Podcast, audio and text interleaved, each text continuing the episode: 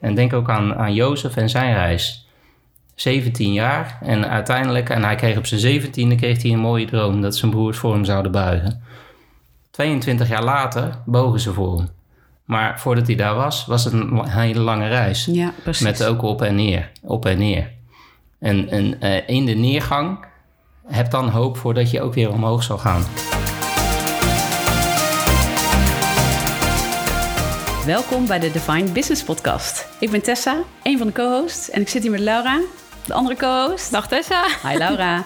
en we zitten hier in de derde aflevering van de miniserie Divine Business in coronatijd.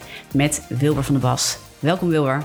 Dankjewel, ik ben er ook weer. Ja, gelukkig. Want uh, nou ja, sowieso uh, is het ontzettend waardevol wat uh, je ook in de vorige twee afleveringen met ons hebt gedeeld. Dus ik wil de luisteraar ehm, ook echt even aanmoedigen om die twee afleveringen te gaan luisteren. En ehm, ja, we gaan vandaag in op de derde vraag. Want aan de hand van drie vragen zijn we door deze serie heen gegaan. En vandaag behandelen we de derde vraag. En de derde vraag is: hoe kun je uh, als ondernemer het beste omgaan met crisis en God daarin vertrouwen. En ja, Wilber, we weten dat jij met heel veel mensen, ondernemers specifiek in, in crisis, dat je daarmee te maken hebt, dat je daar ervaring in hebt, ook al voor de coronatijd. En wij zijn ook heel benieuwd, jij onderneemt zelf heel duidelijk met God. Um, dus we zijn heel benieuwd, hoe sta je daarin? Hoe kijk je naar, ook in deze coronatijd, hoe kijk je ernaar om God te vertrouwen? Maar misschien heb je daar ook voorbeelden in, mensen die je meemaakt um, en, en ja, die, die daarin God ook gaan zoeken of, of misschien het wel heel moeilijk vinden om God te vertrouwen uh, in zulke momenten als nu. Dus um, ja, we zijn heel benieuwd wat je daar te delen hebt en, um, en wat je daarin praktisch ook voor onze ondernemers uh, te delen hebt. Ja. Dus ja, ik zou zeggen, wederom brand los. Ja, nou, dit is een uh, supermooi uh, mooi onderwerp. En het is ook echt op mijn hart om de, de, het geestelijke te koppelen met het praktische. En het praktische hebben we in de vorige twee gedaan en nu meer het geestelijke stuk. Ja. En ehm, ja, wat je merkt is als het moeilijker met je gaat, dan is het als het goed is, ga je dichter naar God komen. Ga je God meer zoeken. En ik denk dat dat een goede reflex is om, uh, om te pakken. En ik heb daar voorbeelden omheen gezien van ondernemers die echt bij bijzonder beheer terechtkwamen.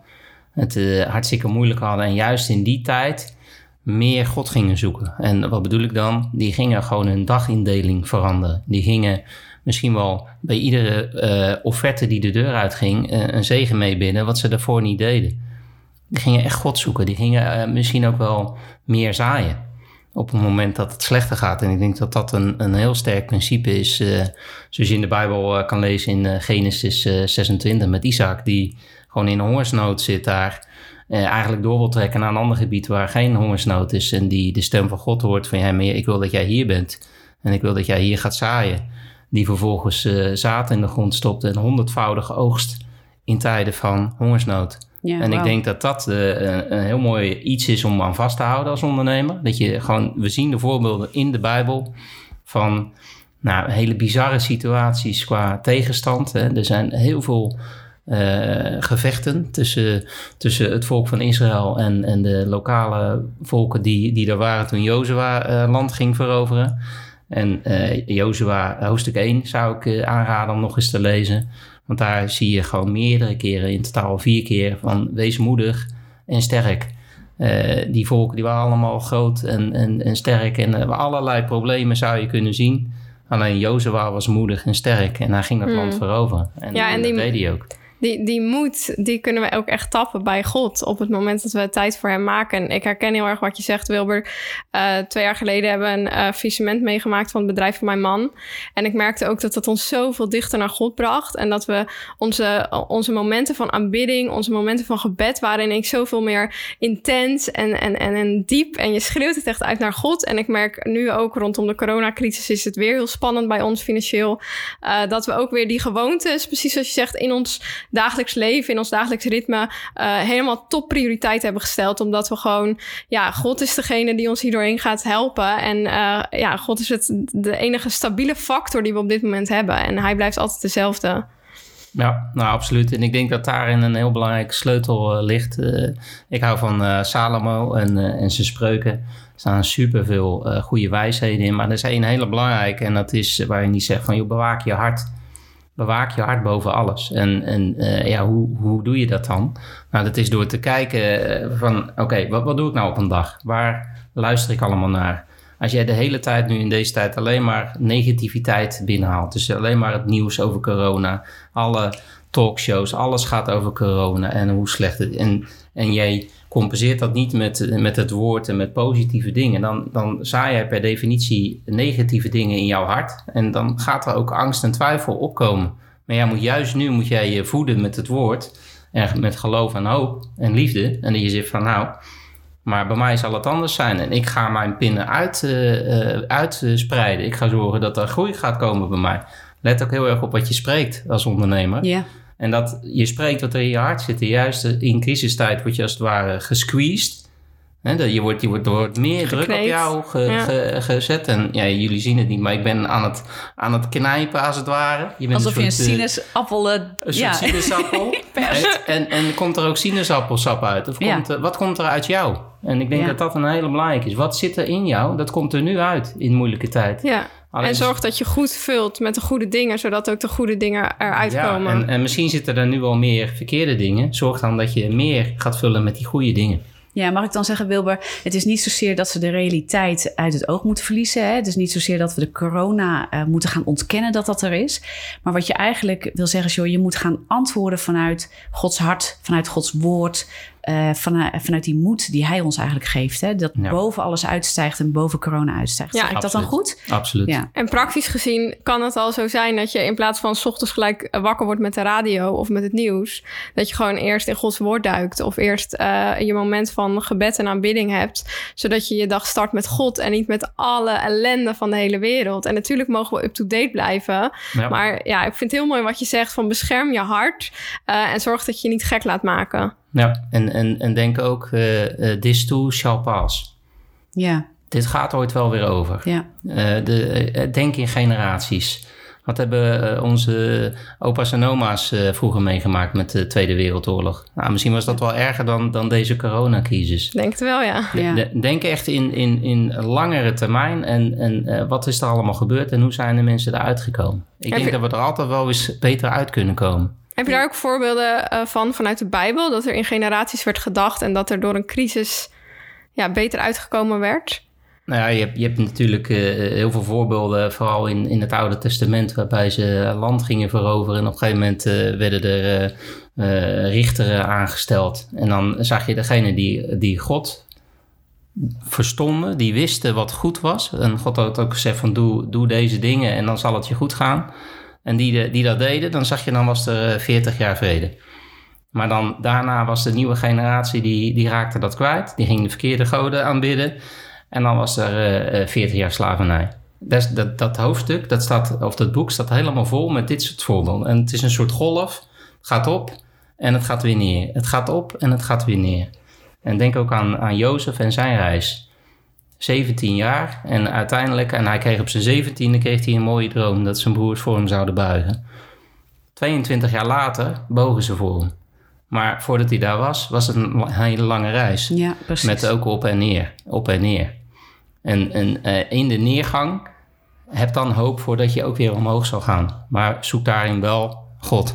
Ja. ja, want ik kan me ook voorstellen dat, dat je als ondernemer misschien denkt van ja, ik heb uh, uh, dit bedrijf uh, samen met God gestart. Ik heb het vol met, ja, daarin God altijd betrokken in de stappen die ik heb gezet. en nu ineens is het heel spannend of nu ineens ja, is het totaal geen overvloed, terwijl ik geloof in een God van overvloed. En hoe, ja, hoe kan je dan juist op die momenten waarin je het niet meer snapt misschien hoe God mhm. werkt, toch ervoor kiezen om God te vertrouwen? Nou, nou ik, ik denk dat, dat, dat je daar, dat is een handeling. Hè? Dus je moet het gewoon doen. Het is niet een, een vraag, je moet dat doen. En hoe doe je dat? Door ook te laten zien hoe jij met die omstandigheden omgaat. En daarom vind ik het verhaal van Jozef zo mooi. Hij, hij had alle reden om kwaad te zijn, om teleurgesteld te zijn. Allerlei onrecht was hem aangedaan. Maar wat deed hij? Hij werkte, hij zette zich gewoon in. Hij vertrouwde op God. Hij ging niet op, in op de avances van de vrouw van Potifar, die iedere dag hem probeerde te verleiden. Dus die verleiding lag daar iedere dag. En iedere dag zei hij: Nee, daartegen doe ik niet.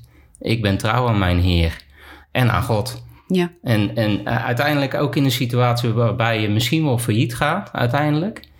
ook dat kan je op een eervolle manier doen. Op Ja, een mooi. respectvolle manier. En, en mijn eh, geloof is dat, dat het eh ten goede gekeerd zal worden. En dat, jou, dat jij misschien wel eh, zevenvoudig terug gaat krijgen wat hier geroofd is. En dat dit niet God is, maar je, het wordt geroofd door de duivel. Ja. Alleen wij hebben een grotere God die is groter dan die duivel. Maar misschien moet je wel door een faillissement heen. Ja, dat precies. zou kunnen. En het is dus eigenlijk gewoon een, een hele pittige karaktertraining. Want we weten allemaal dat emoties overspoelen gewoon. En onze eerste primaire reactie is daarop te reageren. Maar wat je eigenlijk zegt, ja, wat Jozef ook laat zien. Die reageert niet vanuit die emotie, maar die reageert vanuit wat eh, eigenlijk een heel welbehagelijk karakter is voor Gods ogen. Ja, en, en, ik denk ook dat hij die eh, reis nodig had Ja. om uiteindelijk die wilde aan te kunnen dat hij de tweede man was van een heel koninkrijk. ja, want dan moet je wel even stressbestendig zijn, om het zo maar eens te noemen. En ik denk dat dat ook even voor ondernemers. Sommige ondernemers wordt eh, straks heel veel gegeven, maar kan jij dat ook aan? Ja. En daar heb je een reis voor nodig. Ja. En daar word je voor klaargemaakt en, en voor gekneed. En ik merk ook dat ehm, eh, eh, je, je hebt altijd een keuze van laat je zo'n crisis, laat je eh, het je bitter maken. En dan kan je echt verbitteren en, en geen vertrouwen meer hebben in mensen of het leven of jezelf of God. Of kies je ervoor dat je inderdaad het ziet als karaktertraining. En dat je zegt, oké God, ik weet dat u een grote plan heeft. Ik weet dat u voor mij bent en niet tegen mij. En ik wil deze situatie en deze crisis gebruiken om meer te worden zoals u en meer te worden zoals Jezus en me niet laten verbitteren. En ik denk dat dat een heel belangrijk gebed is. En dat alleen gebed inderdaad, hè, dat is natuurlijk stap één, maar daarnaast ook dat je ook de keuzes maakt die daarmee in lijn zijn. En dat je de keuzes maakt om God altijd te zoeken en eh, dat je inderdaad in de Bijbel duikt. Ik vind het heel mooi de voorbeelden die je noemt, eh, Wilber. Eh, eh, als je de Bijbel kent, dan zie je zo vaak eh, eh, mensen die in crisis zitten, in economische crisis, in ander soort crisis, die moeite hebben met God vertrouwen. Maar God is altijd genadig en God is er altijd en God komt altijd terug bij zijn, of blijft altijd, eh, kan ik beter zeggen, bij zijn kinderen. En ja, die zekerheid mogen we hebben en dat vertrouwen mogen we echt in hem stellen. En wat voor mij nog heel belangrijk is daarbij ook, eh, soms weet ik het even niet meer en eh, eh, is dat vertrouwen ook heel abstract.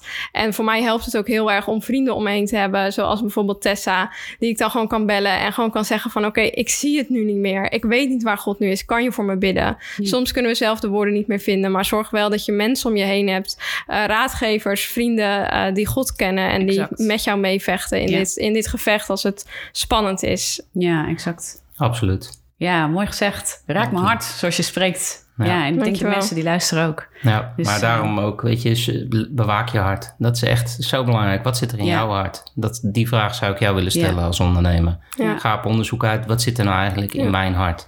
Ja, hele mooie vraag. Een hele pittige vraag, denk ik soms, als we daarin geconfronteerd worden met hoe we dus in deze tijd reageren.